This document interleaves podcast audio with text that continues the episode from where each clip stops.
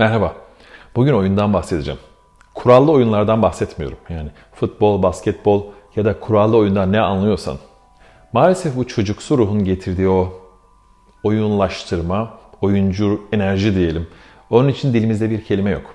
Oyun dediğimiz zaman otomatik olarak zihnimizde kuralları olan, içinde belli bir hedefi olan ve kurallara uymadığınız zaman zevki kaçan bir şey geliyor.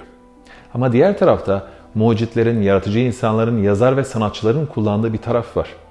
O günlük deneyimleri daha eğlenceli hale getirmelerine yardımcı oluyor.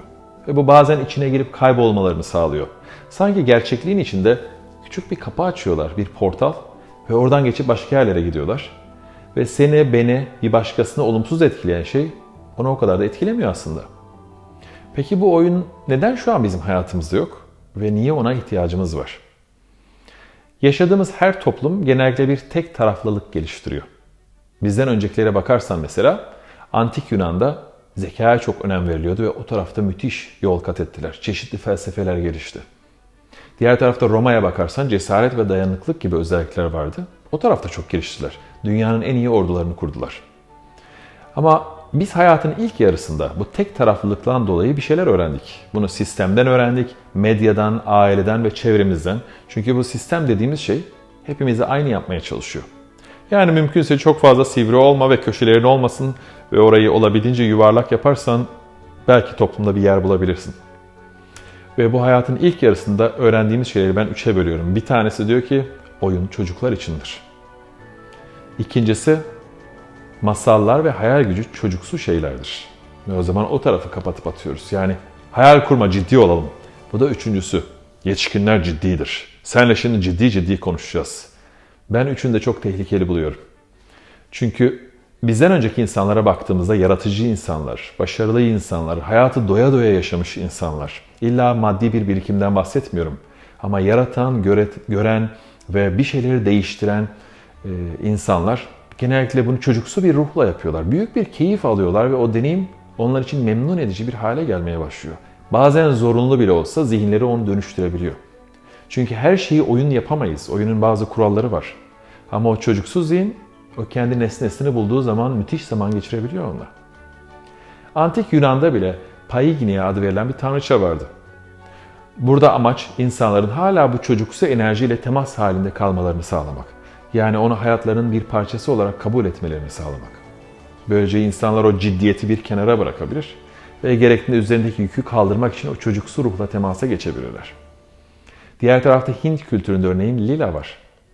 Lila dans eden evren anlamına geliyor. Yani evrende olan biten her şeyi büyük bir dans, bir oyun olarak görüyorlar. Ve kural yok çünkü hepsini anlamış değiliz zaten. Ve bizden önceki diğer insanlar Einstein bol bol hayal kuran birisiydi. Tesla annesi ona hayal kurmayı öğretmiş 12 yaşında ve saatlerce bazen hayal gücünde zaman geçiriyordu. Hatta büyük icatların büyük kısmı da hayal gücünde olan biten şeylerle ortaya çıkıyor. Bir güneşe bakarken, bir şelaleyi seyrederken neredeyse hayatı bir oyun gibi yani. Ama bizim çoğumuz için hayat sabah bir yere gidip akşam gelmek, onun arasındaki görevleri gerçekleştirmek, görevler iyiyse mutlu oluyor birçok insan. Görevler değilse mutsuz oluyor. Paraya endeksleniyoruz mecburen. Ama içimizdeki o çocuksu ruh o ortalarda yok. Ve çoğu insan içinde çok fazla öfke, sıkıntı, mutsuzluk taşıdığı için o malzemeyi nasıl işleyeceğini de bilmiyor. Bu duygusal enerjinin bir şekilde açığa çıkması lazım. Sanatçılar veya yazarlar veya sporcular bunu hareketle, yazarak, resimle çeşitli şekillerde sistemlerinden çıkarıyorlar. Onlar için bir çıkış var. Birçok insan için yok. Bu oyuncu ruh, bu enerjiyi dönüştürmemize yardımcı olan tarafımız. Karanlıkta bastırılmış, inkar edilmiş ne varsa onu alıp daha sağlıklı bir şekilde açığa çıkarabilirsin. Bir örnek vereyim. Bazı zamanlar, belki ayın bir günü veya belirli zamanlarda çocuklarla ormana gidiyoruz. Ve ormana gittiğimizde e, küçük bir enstrümanım var, vurmalı bir çalgı. Ve ormanın derinliklerine gidiyoruz. Daha sonra oraya oturuyoruz ve diyorum ki hadi ormanın şarkısını söyleyelim. Ve çocuklar bu işe o kadar hızlı adapte oluyorlar ki ormanın şarkısı ne diye kimse sormuyor. Ben gözlerimi kapatıyorum ve bir şeyler çalmaya başlıyorum rastgele. Ve çeşitli sesler çıkartıyorum. Daha sonra onlar katılıyorlar.